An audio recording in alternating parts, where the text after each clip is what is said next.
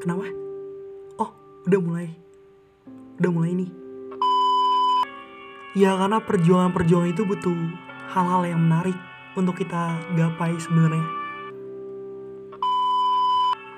Pada waktu itu juga bisa dibilang nekat banget sih kejadiannya.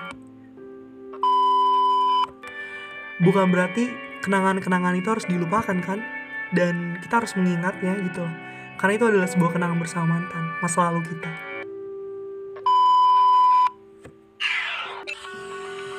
Halo, selamat datang kembali di podcast Dewa Rizkuloh Podcast kali ini hmm, bakal menarik. Karena bukan lagi ditemenin sama beberapa narasumber. Tapi ya gue sendiri bakal cerita Pengalaman pribadi Kisah cinta gue yang masih diingat. Tapi sebelum lanjut ke podcast, gue cuman pengen bilang sama kalian semua, terima kasih sekali lagi buat kalian yang udah mau menyempatkan waktu mendengarkan podcast Dewa Rizkuloh dengan narasumber lainnya. Dan intinya terima kasih banget buat kalian semua. Tapi jangan lupa juga untuk cek di sosial media saya lainnya. Di Instagram Dewa Rizkuloh di Twitter langkah tertati kalau kalian pengen langsung uh, apa namanya chat pribadi di Telegram ada namanya tanam luka tanaman luka. Di YouTube ada namanya Dewa Rizkuloh dan di mana lagi ya? Kayak itu aja ya. Kalau di WhatsApp kayaknya rahasia. Oke okay. hmm, jadi cerita gini. Eh gak asik banget ya. Kalau pas tiba-tiba jadi cerita gini. Oke okay, jadi ceritanya seperti ini. Waktu itu kejadiannya sekitar gue kelas 2 SMK. Sebelumnya, biar gak bingung nanti, gue kebetulan ambil jurusan atau SMK, bisa dibilang tata boga. Jauh banget kan ya, dari dari pemikiran kalian mungkin yang beranggapan kalau gue emang anak sastra atau mungkin emang suka nulis-nulis gitu sebenarnya tuh gue nggak ada basic di sana. Karena kebetulan kelas 3 gue nyemplung aja. Tapi sebelumnya ini maaf banget ya tenggorokannya sakit banget karena di sini musim hujan lagi hujan jadi cuacanya tidak mendukung untuk stamina saya ya. Untuk teman-teman yang sedang tidak enak badan dan merasa tidak baik-baik saja semoga lekas pulih dan semoga baik-baik saja selalu ya. Sehat terus buat kalian semua. Oke jadi gue anak tata boga anak tata boga waktu itu PKL pasti kalian tau lah anak SMK di mana kelas 2 pasti ada namanya PKL atau enggak prakrin. Training atau apa lagi ya? Uh, prakrin training PKL itu aja ya paling ya. Lupa banget soalnya sebutannya karena beda-beda. Setiap zaman dan setiap SMK itu beda-beda sebutannya.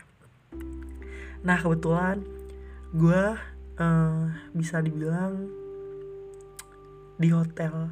Karena gue tak boga kan ya pasti harus di hotel. Dan gue training di hotel salah satu hotel lumayan besar lah. Karena gue ngincar sebuah sertifikat di sana. Yaitu JW Marriott Surabaya. JW Marriott Surabaya. Bintang 5 ya sombong banget ya. Nah singkat ceritanya uh, gue di sana lah. Jadi jauh dari rumah gue jauh jauh dari kota gue di mana gue harus merantau ya kan? Sama teman-teman pastinya nggak mungkin sendiri. Jadi kita ngontrak lah ngontrak. Kayak bukan ngontrak sih sebenarnya nggak kos bareng. Tapi kayak kontrakan satu kontrak satu rumah. Cuman bayarnya sendiri sendiri ngontrak lah bisa dibilang cuman kayak rasa kos kosan gitu. Agak sedikit sulit ya menjelaskannya. Nah itu kalau nggak salah dari bulan November. Kebetulan masih zaman gue tuh empat bulan doang gitu. Nah ketika gue empat bulan uh, teman-teman empat teman-teman gue empat bulan masa trainingnya gue itu malah dapat enam bulan. Karena dari permintaan hotelnya. Hmm, bisa dibilang kan bintang 5 pasti mereka mintanya enam bulan. Biar pelajaran yang dapat lebih banyak. Dari situ dari bulan November Desember Januari Februari gue masih hidup biasa aja. Namanya anak rantauan ya apalagi anak SMK ya. Pasti kalau nggak nyari pacar nyari kedamaian gitu. Nyari kebebasan dari rumah. Ya kayak cowok mungkin kayak ngerokok begadang terus gitu kan ya. Ya asik lah nyari cewek gitu. Maksudnya dalam tanda kutip nyari jodoh gitu. Nah singkat ceritanya gue di bulan Maret. Iya Maret di bulan Maret gue bikin grup jadi lucu banget sih. Gue bikin grup random aja gitu bikin grup WA tentang tata boga. Namanya masih inget banget dulu tuh chef jun, uh, junior chef Indonesia. Gila berasa gue kayak chef gitu ya. Jadi gue kumpulin teman-teman gue gue kumpulin tuh teman-teman gue uh, teman-teman SD dulu yang satu jurusan gitu. Dan teman-teman PKL gue juga teman-teman kuliah gitu teman-teman training yang juga anak kuliahan gue kumpulin dan masuk jadi grup tuh satu grup. Rame banget kalau itu kejadiannya. Karena saking ramenya banyak banget yang keluar dan gak ngerti apa sih um, manfaat dari grup ini tujuannya tuh apa akhirnya gue jelasin. Karena gue pembuatnya kan. Gue berharap grup itu kayak buat ngirim kita saling apa namanya berbagi resep lah. Saling belajar dan mengajar gitu lah.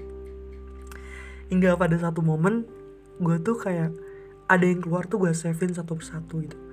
Karena gue pengen kasih tahu kalau ini tuh grupnya nih pengen seperti ini gitu seperti ini. Dan singkat ceritanya tuh kebanyakan dan sama singkat ceritanya ya. Tapi gak apa lah. Namanya juga cerita kalau misalnya kalian dengerin ya ini aja. Apa adanya. Uh, jadi singkat ceritanya udah dua kali udah diulangin. Akhirnya ketemu jadi kayak yang keluar-keluar dari grup itu gue save nomornya dari A B C D E.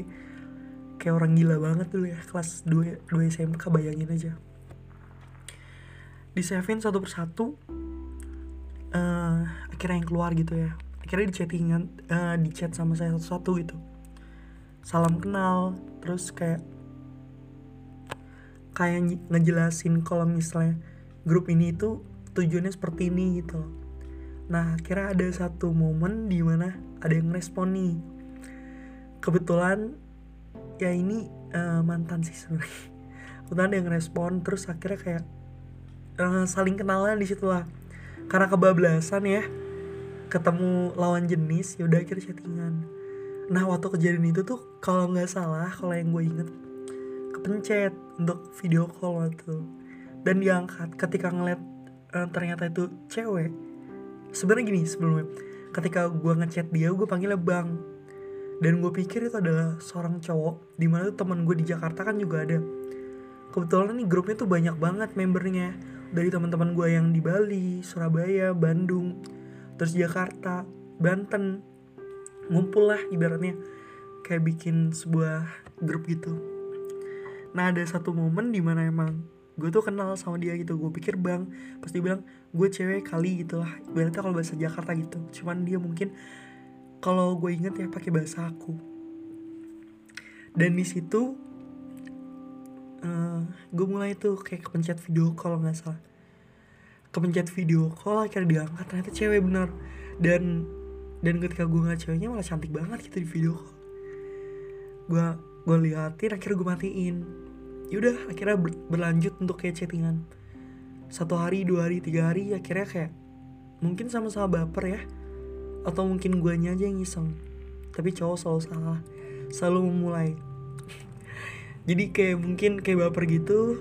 Nah dari itu kayak Maret uh, Maret akhir kita kenal. Kalau nggak salah tuh tanggal aduh ramai banget motor di sini. Kalau nggak salah tanggal 28 Maret kita kenal chattingan pertama kali. Ini masih keinget banget karena karena kejadian itu seru banget gitu. Ini panjang banget sih mungkin bakal jadi satu jam. 28 Maret kalau nggak salah masih inget banget chattingannya. Dan kita itu akhirnya satu minggu. Dan karena gue tipe kalau orang yang mudah nyaman akhirnya gue kayak nyatin perasaan gitu sama dia gitu. Karena mungkin juga teleponan ya kan? Sering berjalan waktu uh, tak kenal sama kata sayang jadi sama-sama saling mengenal. Berusaha untuk saling mengenal satu sama lain. Dari situ ya udah kayak chattingan kayak ya sok kasih perhatian gitu ya. Pada umumnya lah PDKT-an gitu di mabok asmara gimana sih? Hingga pada satu momen dia tuh nantang gue gitu. Kalau emang mau ya udah lu datang ke kota gue gitu. Kebetulan dia kotanya tuh nggak beda nggak begitu jauh lah dari kota yang di mana gue gue lagi rantauin gitu di Surabaya. Dia berada di kota Mojokerto. Kalau teman-teman tahu mungkin pasti ya jaraknya sekitar satu jam dua jaman gitu lah ya. Dan kebetulan gue nggak tahu Mojokerto itu kayak gimana gitu. Dan gue tertantang dong gitu ya. Nah tapi sebelumnya gue bakal ceritain uh, kenapa alasan gue bisa berani ke sana. Gue kenal dengan jadi temennya dia juga pek prahrinnya trainingnya tuh di hotel yang sama sama gue jadi sahabatnya dia itu temen gue training gitu. Kira gue nanya-nanya sama dia gitu. Nyari informasi lah gimana sih orang yang pengen gue deketin nih gitu kan ya. Kira gue berang uh, ketika udah kenal kenal kenal gue mutusin untuk di tanggal di tanggal 8 iya kalau nggak salah tanggal 8 bulan April. Tanggal 8 bulan April 2000 2000 berapa ya? Lupa. Tanggal 8 April sebenarnya tanggal 7 nya malam-malam gue berangkat pengen ke sana. Ini uh, nekat banget sih gue satu gue masih anak usia waktu itu 16 tahun. Yang kedua gue nggak tahu kotanya yang ketiga gue nekat karena bagi teman-teman gue kayak lu yakin mau ke sono? gitu. Kalau pada akhirnya cowok itu cuman eh cewek ini cuman pengen ngerjain lu doang gimana? gitu. Temen-temen kayak ngasih kayak kasih tahu aja gitu lu beneran nekat nih. Kira udah malam sekitar jam 8 gue berangkat naik gojek. Tapi sebelum naik gojek gue tuh sebenarnya minta tolong ke teman gue cuman beda beda bukan temen SMK temen kuliah itu jadi anak kuliah training juga. Dan gue minta tolong untuk nyewain apa namanya? Nyewain gojek gitu. Ketika gue nyewain gojek dan dibayar temen gue gitu. Ini bakal ceritanya bakal bakal lucu banget sih. Gokil banget bener-bener nekat. Ya semoga teman-teman masih pengen dengerin cerita ini walaupun tidak begitu lancar saya menceritakannya karena harus memikirkan setiap kata per kata sih agak sulit juga. Kira dari situ kayak minta tolong ke temen dan kebetulan saya nggak ada paketan waktu itu. Jadi minta tolong ke temen juga. Kayak ibaratnya kayak gue minta tolong kayak manfaatin banget gitu ya. Parah banget udah gojek dibayarin terus juga kayak paketan habis minta tolong ke temen. Temen tuh jadi sisa satu gigabyte dikasih ke gue secara percuma gitu. Satu gigabyte atau dua gigabyte gitu waktu itu masih lumayan mahal lah paketan kan ya. Akhirnya yaudah gue berangkat malam jam 8 dan tiket itu jam 8 kalau nggak salah. Itu tanggal 7 nya ya. Dan gue berangkat nyampe lah di stasiun Mojokerto. Itu jam 10 nah ketika gue nyampe di sana gue langsung lari ke musola dong. Ya bisa dibilang gue udah terbiasa dengan namanya tidur di musola itikaf. Kalau misalnya kita muslim tahu. Udah terbiasa itikaf karena kebetulan gue juga nggak mau ketinggalan sholat isya. Jadi gue sholat isya di sana setelah itu gue pengen tidur di sana.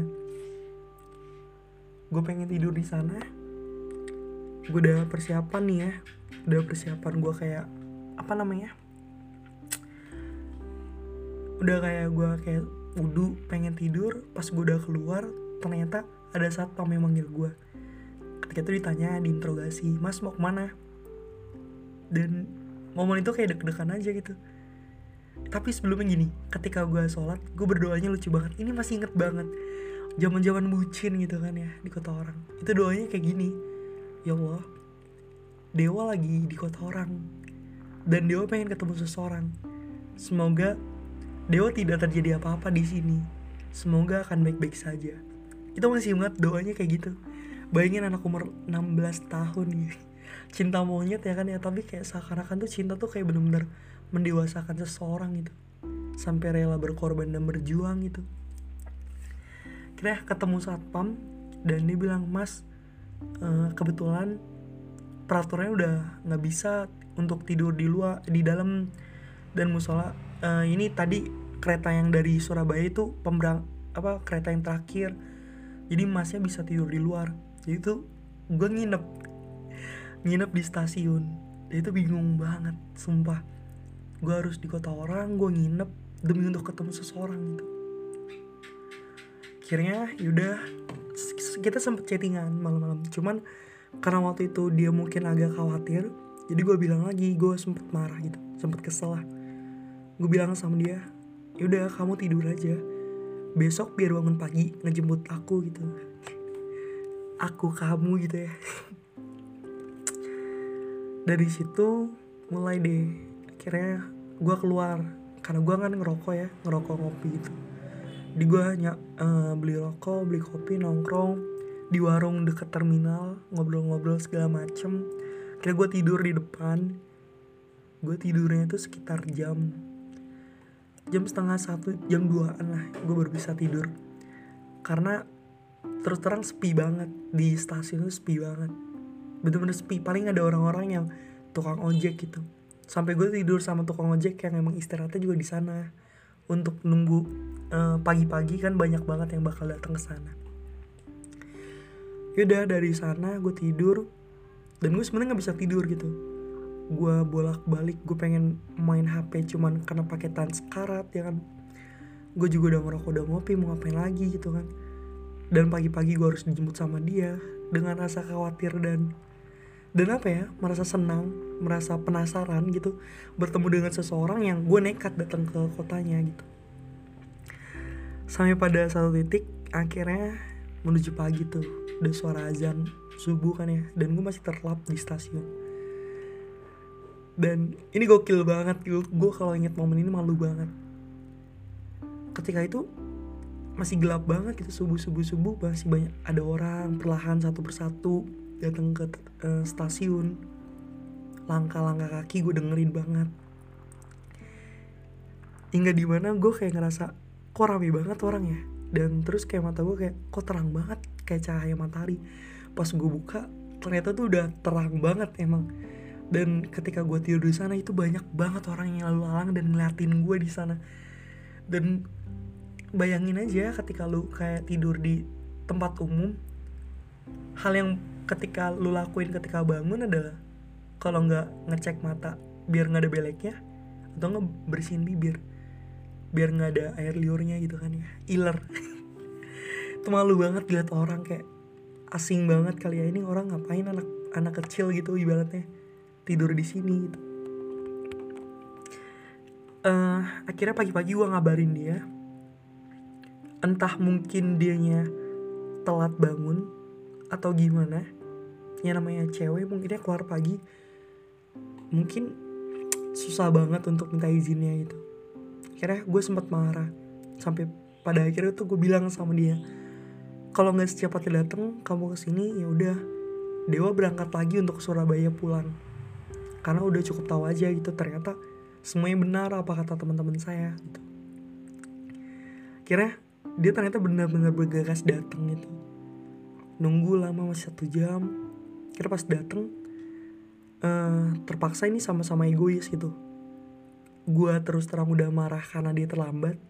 Dia mau masuk malu gitu. Dan juga takut bayar parkir ya. Bukan takut sebenarnya sayang aja. Masa cuman kayak masuk keluar bayar parkir 2000 sayang aja kali ya. Tapi karena gue udah marah gue mikir udah masuk aja gitu. Maksudnya kayak nyuruh dia masuk gitu. Songong banget gue ya. Nyuruh cewek masuk ya wah parah banget ya karena mungkin saking saking kesalnya gitu. Dan gue ngeliat dari jauh dia kayak oh ini orangnya ya gitu. Dan ketika udah tatap-tatapan muka ketemu langsung itu penasaran gue hilang gitu ibaratnya tuh gue kayak ketemu sama temen lama yang udah sering ketemu dan itu udah ketemu berkali-kali gitu. Jadi kayak udah bukan rasa kayak gue ketemu seseorang yang baru gue ketemuin gitu. Tapi kayak udah biasa aja. Tapi gue sempet marah waktu itu karena sempet kesel gitu ya. Ngetes aja cewek ini gimana gitu. Kayak kekanak-kanakan mungkin ya. Kayak udahlah gue pulang segala macam gini, gini gue pengen ke Surabaya gue beli tiket. Terima kasih banget udah mau ketemu di sini. Mungkin ini pertama kali kita ketemu dan terakhir kalinya gitu kayak wah gokil banget kekanak-kanakan. Kira uh, dia pintar untuk meluluhkan hati. Udah kira kita keluar dari stasiun dan kita untuk strategi. Bukan strategi sih emang udah perjanjian. Mau diajak jalan sama dia di kotanya.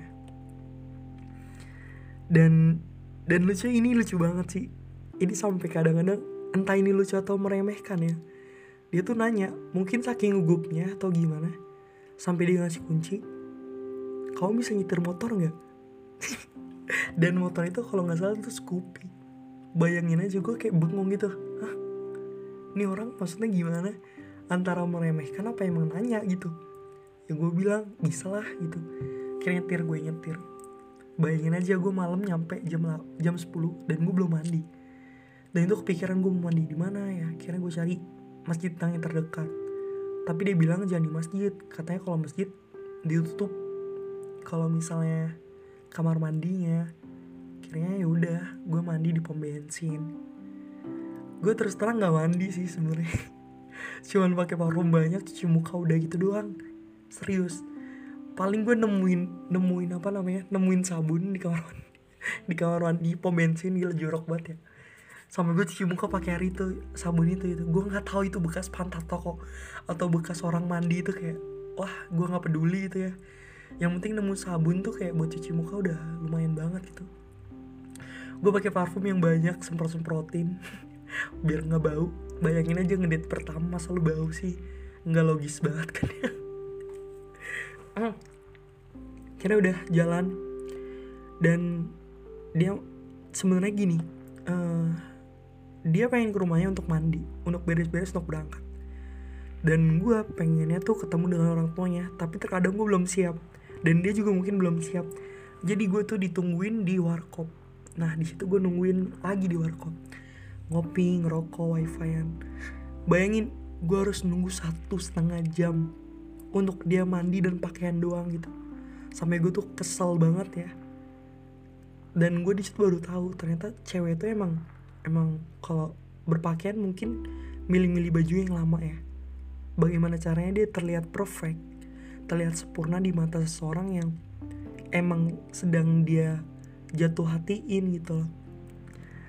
Dan ternyata ketika satu setengah jam begitu lama waktunya dia datang.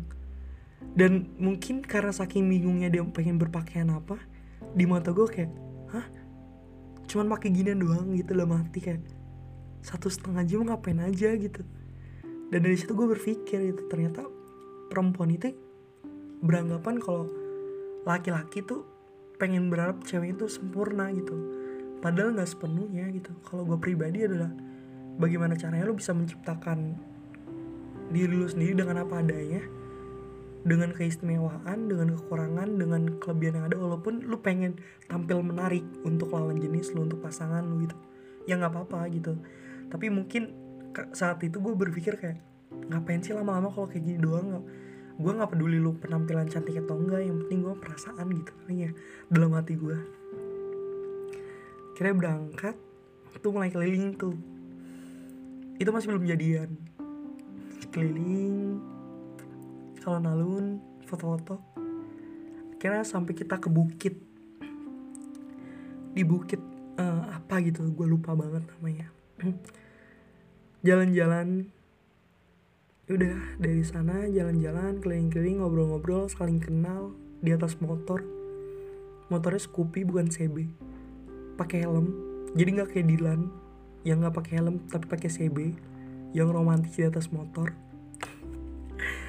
Dan akhirnya udah keliling-keliling hingga satu momen di mana kita foto-foto masih ada fotonya. Foto-foto Iya namanya orang yang kasmaran gimana sih fotonya berdua sosok romantis gitu ya. Aduh mungkin ini cerita yang alay banget ya. Tapi di momen itu kayak kita ngerasa bahwa dunia tuh milik kita berdua memang. Di situ akhirnya temennya ngabarin. Temennya ngabarin untuk uh, ke cafe gitu ketemu. Itu jam 11 11 siang bayangin gue nggak tidur dari malam itu cuma tidur sebentar dan paginya gue harus satu hari full bareng dia gitu. Karena jam jam 11 gue turun dari bukit itu ya naik motor ya. Hingga satu titik di mana kalau nggak salah gini entah jam 10 atau jam 11 gue lupa banget. Dan hingga satu titik pengen ke kedai gue sebenarnya nggak mau ke kafe ketemu temen-temennya. Karena gue mungkin merasa kayak gue gua nggak pantas nih ketemu temen-temennya gitu. Merasa minder duluan gitu. Sampai pada akhirnya tuh gue kayak yaudahlah gue ikutin dia gitu. Kalau emang pengen mungkin dia pengen kenalin gue dengan temen-temennya gitu dan temen-temennya pengen kenal dengan gue mungkin semua cewek gitu ya akan melakukan hal yang sama ketika mendapatkan cowok atau doi baru. Dari situ ya udah hmm, ketika pengen ke kedai itu ada suatu jalan yang lurus banget benar-benar lurus jalan. Dan situ gue ngetes dia gitu kayak gue bilang e, terima kasih ya udah mau ajak jalan-jalan mungkin ini kayak pertemuan terakhir gitu. Kayak mungkin kita nggak bakal bisa bersama terima kasih banget foto udah tadi foto-foto udah bersama udah ketawa-ketawa. Dan masih banyak hal lagi yang gue tes untuk ngomong sama dia gitu. Dan mungkin karena emang omongan gue kayak terkesan sedih atau kayak menyakiti dia itu kayak sedih dan kayak pengen nangis gitu. Akhirnya dia meluk dari belakang. Dan gue terus bilang aja gitu kayak pas akhirnya pada satu momen gue bilang kenapa nangis? gitu. Kenapa nangis? Akhirnya, akhirnya gue bilang sama dia coba deh sekarang lihat jam berapa. Kira dilihat kalau nggak salah ya mungkin ini dibolak balik aja. Antara 10 11 10 jam 10 11 menit atau enggak jam 11 10, uh, 10 menit.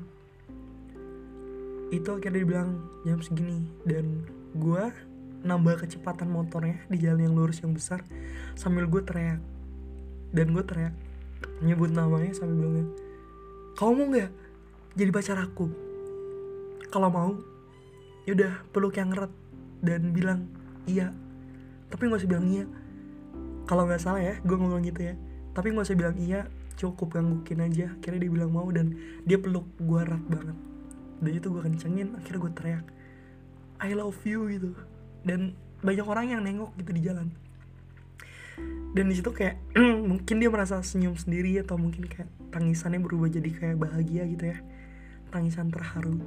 Dan di situ gue jadian sama dia. Tanggal 8 April. Wih pertama kali ketemu langsung jadian ya. Kira singkat ceritanya nyampe lah di kedai. Kira kenalan kenalan dan ketika gue ketemu dengan teman-teman ya gue sedikit minder gitu. Maksudnya kayak ketika gue di kafenya tuh bisa lumayan kafe yang cukup gede gitu ya. Lumayan gede lah. Karena gue nggak nggak bisa bertemu dengan teman-teman ya. Maksudnya kayak gue nggak gue orangnya uh, jarang mudah banget untuk kayak ketemu dengan temen pasangan gue gitu ya. Jadi gue kayak langsung ke musola ataupun ke kamar mandi gitu. Izin kencing alasan aja gitu. Untuk kayak menjauh gitu bukan menjauh sih mereka berpaling dari perhatian mereka semua gitu. Kan takut diomongin kan ya atau nggak diperhatiin dipandangin gue paling males banget kayak gitu. Seakan-akan tuh kita orang asing yang yang sedang dipantau itu ini gimana sifatnya? Ini gimana? gitu jadi gue kasih kebebasan untuk dia bertemu dengan teman-temannya teman-temannya. Dari situ akhirnya yaudah uh, eh, gue lama banget keluar dan tanyain kamu lapar nggak? Nggak nggak lapar gitu. Padahal gue sebenarnya tuh lapar banget. Karena mungkin gengsi seorang cowok ketemu teman-teman ceweknya gitu maksudnya ketemu uh, bersama pacarnya dan pacarnya buat teman-teman ceweknya gitu. Gengnya lah. Kayak merasa minder dong untuk kayak oh enggak kok udah gitu. Kira ketika uh, ketika gue kembali lagi tempat duduk dan di situ gue ketemuin sebuah keseriusan gitu. Tanpa gue panggil dia tuh mau untuk kayak nyamperin gue gitu. Dan temen-temennya tuh ngasih kesempatan untuk uh, dia nyamperin gue gitu. Duduk berdua gitu. Akhirnya ya udah temennya pergi pulang. Ada yang gue inget satu temennya tuh bilang kayak tolong ya jagain dia gitu gue nggak bisa nyebutin namanya karena mungkin nanti bakal podcast bareng dia. Biar kalian tebak-tebak aja namanya siapa. Dan dari situ ya udah mulai dah. Uh, kita makan berdua gitu. Kebetulan waktu itu jam udah jam 12 gitu. Udah kita ke masjid dulu yuk untuk sholat gitu. Udah akhirnya kalau alun dan sholat di sana gitu. Sholat di sana selesai sholatnya beda ya. Nggak bakal bisa bersama karena bukan muhrim. Yaudah akhirnya karena deket alun-alun yaudah jadi ambil kesempatan aja. Gue bakal ada di alun-alunnya. Di sana ya seperti pada umumnya orang pendatang foto-foto kita romantis dua berdua gitu ya. Sampai disamperin pol pp itu kita merasa takut. Udah kira udah selesai selesai foto-foto nggak kerasa jam 2 gitu saking gue mungkin ngantuk ya. Uh, kira gue minta tolong untuk kayak eh gue lupa pada kejadian itu. Gue belum beli yang namanya karcis untuk balik ke Surabaya. Untuk beli karcis keretanya. Dan akhirnya kita berangkat ke sana. Ketika kita berangkat kita udah nunggu lama gitu mak. Udah siang-siang nunggu lama panas-panas. Dan ternyata baru sadar gitu kalau kereta yang di Surabaya itu karcisnya emang udah habis gitu. Udah bener-bener habis kita nungguin tuh hampir setengah jam satu jam mungkin ya. Dan di situ kan yang seharusnya marah gue ya. Karena gue mungkin nggak bisa pulang gitu kayak uh, kasirnya tuh eh kasir loketnya tuh nggak benar gitu maksudnya kayak kalau emang udah habis karcisnya bilang dikasih pengumuman tapi dia ngasihnya telat gitu. Kayaknya udah yang marah seharusnya gue gitu ya karena gue nggak bisa balik ke Surabaya tapi yang kebalikannya gitu yang marah malah cewek gue gitu si cewek gue maksudnya kayak mantan gue dulu gitu. Sampai gue inget banget dibilang kayak uh, dia mungkin marah karena mbak seharusnya gini-gini gitu. Entah gue ingetnya dia bilang pacar saya ini pengen PKL di sana gitu pengen kerja lagi. Besok harus masuk. Masa nggak ada mbak sekarang gini segala macam harusnya kan kebalik ya gue yang marah-marah dia yang nenangin. Tapi kebalik udah gue bilang gue yang nenangin waktu itu. Udah deh. Uh, gampang kok. Kita jalan-jalan aja dulu. Daripada gini juga kan ngapain juga marah-marah? Itu maksudnya kayak udahlah biarin aja. Biar apa namanya kita kan bisa naik bis. Gue nggak pikiran ke sana sebenarnya. Tapi ya udahlah gitu. Karena gue nggak tahu jalur bis itu seperti apa kita jalan-jalan lagi karena masuk asar yaudah kita sholat dulu. Terus jalan-jalan lagi bingung ke arah mana. Hingga satu momen ketika pukul 4 sore gue lapar banget waktu itu. Dan gue bilang kayak eh sel aku lapar nih gitu. Ada nggak makanan termurah tapi banyak gitu. Jiwa-jiwa anak keluar gitu. Ada nggak makanan termurah tapi banyak gitu. Akhirnya keliling-keliling nyari makan doang. Hingga saat nemu tempat di mana itu kayak tempatnya sedikit kumuh sih kayak warteg. Cuman bukan warteg kayak jualan pecel gitu. Dan itu harganya berapa ya? Sama telur 8 ribu mungkin. Kira makan dan di situ banyak bapak-bapak gitu. Intinya kumuh banget lah tempatnya. Tapi nggak begitu kumuh ya. Kalian bayangin aja tempat kumuh ada bapak-bapaknya untuk ngopi ngerokok gitu lah. Dan gue datang untuk makan gitu sama dia gitu di situ sebenarnya gue ngetes dia juga sih salah satu contohnya sama kayak berjiwa anak kosan mencari yang murah dan banyak untuk makan. Yaudah dari situ gue makan dan ternyata ketika gue makan dia nyuapin gitu ambil sendok dan nyuapin gue di situ gue tahu banget kalau misalnya anjir orang ini nggak malu banget gitu ya kayak dilatih orang-orang tua gitu bapak-bapak. Dia nyuapin gue makan gitu ya udah gitu. Kembali ke topik awal tadi. Berasa dunia itu milik kita berdua doang gitu pada saat itu. Kalau sekarang kan udah nggak ada. Dan kayaknya ya udah udah makan. Waktu terus berjalan. Nggak setengah lima udah pengen maghrib. Dari situ ya udah mulai deh untuk kayak ke terminal kejar-kejaran. Udah pengen maghrib waktu itu kejar-kejaran ke terminal HP gue ada di tasnya dia kuncinya gue pegang gue masukin ke tas gue gue naik bis bisnya itu buru-buru banget dan gue berdiri gue dimarahin sama kernetnya. Buruan mas buruan mas. Dan gue lupa ternyata kita ketuker. Ya tadi gue bilang tadi HP gue ada di dia kunci motornya dari gue akhirnya kita sama-sama ngasih dulu gitu.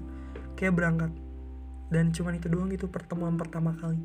Dan gue nggak tahu nih kereta mau tujuan yang ke mana. Kira udah nyampe lah di terminal Bungurasi kira dia pulang.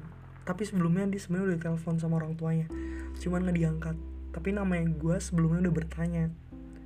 Kamu tadi udah izin belum sama orang tuanya gitu.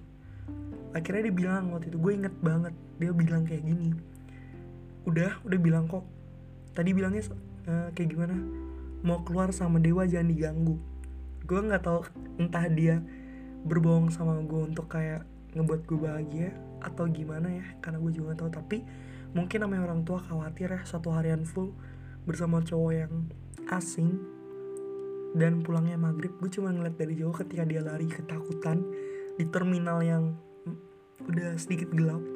Dia lari ke motornya gue bilang kamu pulang aja langsung gak usah nungguin gitu. Udah.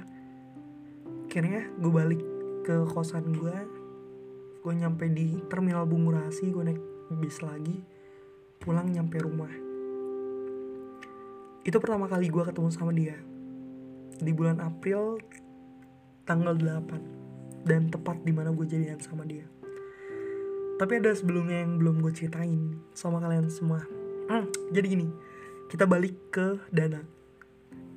Gue bilang gue gak ada paketan. Akhirnya gue minjem ke temen gue paketan. Dan gue juga bilang gue nekat gue uh, dibayarin gojek sama temen gue tapi gue untuk beli tiket gue bawa duit sendiri.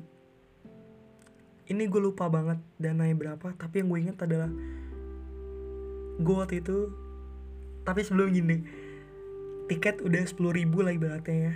Tiket kereta sepuluh ribu. Kira nyampe di stasiun gue beli rokok. Rokok kopi sama roti rokok kopi sama roti. Itu harga 8 ribuan. Gue rokoknya rokok eceran. Terus akhirnya uh, pagi-paginya gue nungguin dia rokok kopi gorengan. Sekitar 7 ribuan. Entah benar apa enggak ya gue cuma inget-inget aja. Akhirnya uh, gue makan.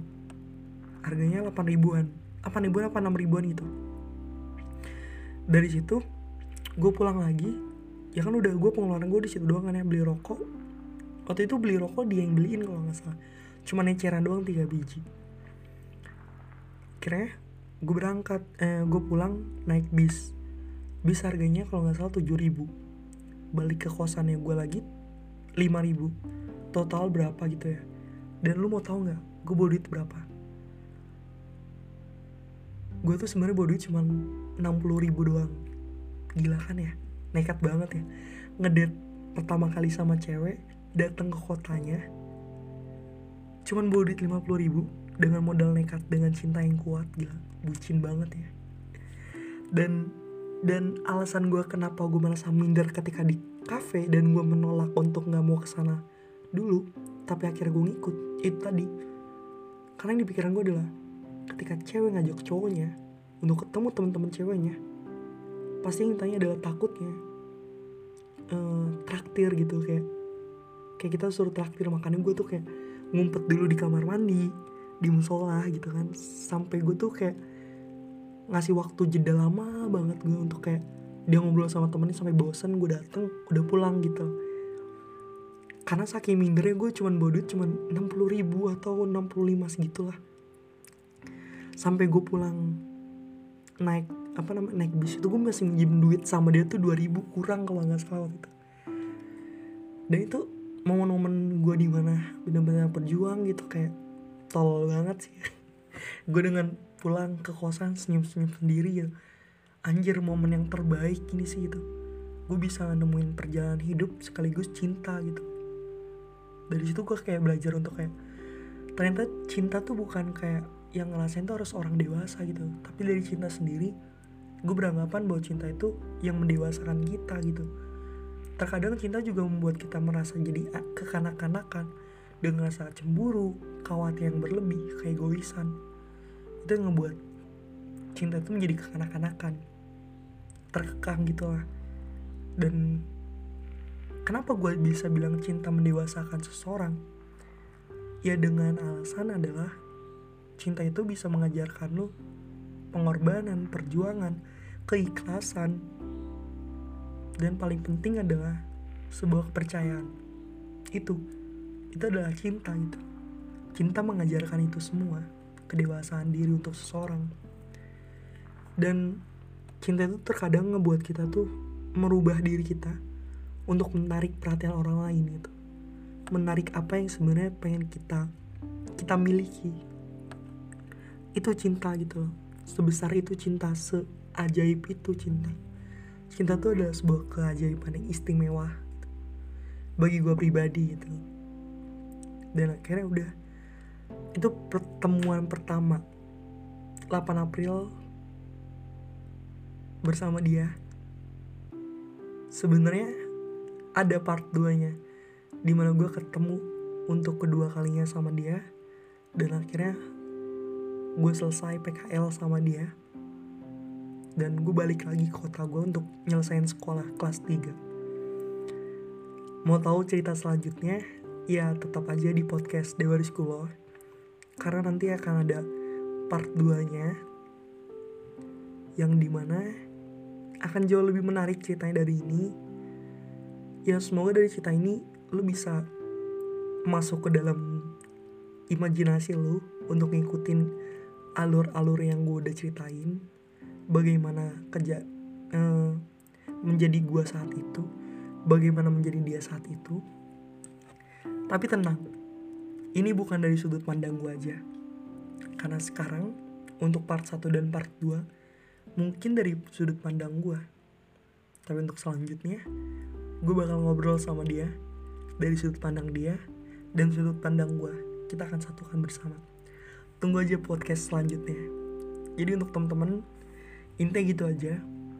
Kalau kalian memiliki cinta yang benar-benar tulus ya udah perjuangan saja gitu. Karena cinta butuh pengorbanan perjuangan keikhlasan dan rasa kepercayaan. Setiap orang berhak kok untuk mencintai dan dicintai. Karena pada hakikatnya setiap orang punya cinta. Dan cinta itu kuat begitu kuat gitu. Mungkin tuh aja ya podcast kali ini.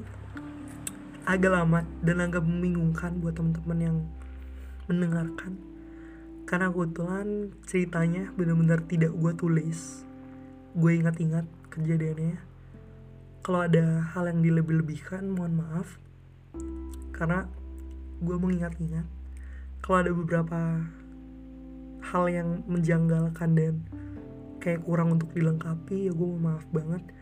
Karena gue masih apa ya ini cerita lalu gitu loh susah banget untuk kayak diingat bener-bener secara realnya gitu.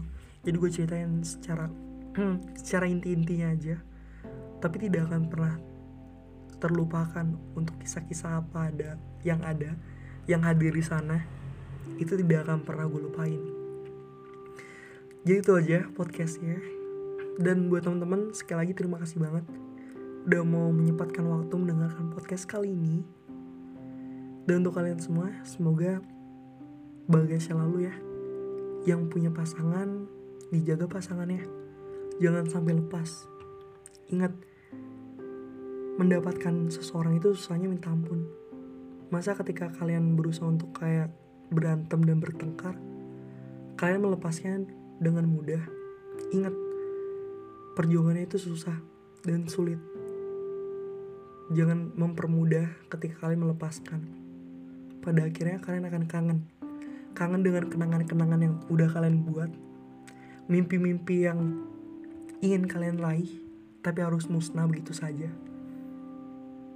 Karena cinta sebenarnya harus saling memahami dan mengerti dan percaya. Itu aja. Dadah dari gue, Dewa Rizkullah. Terima kasih. Sehat-sehat buat kalian semua. Bye.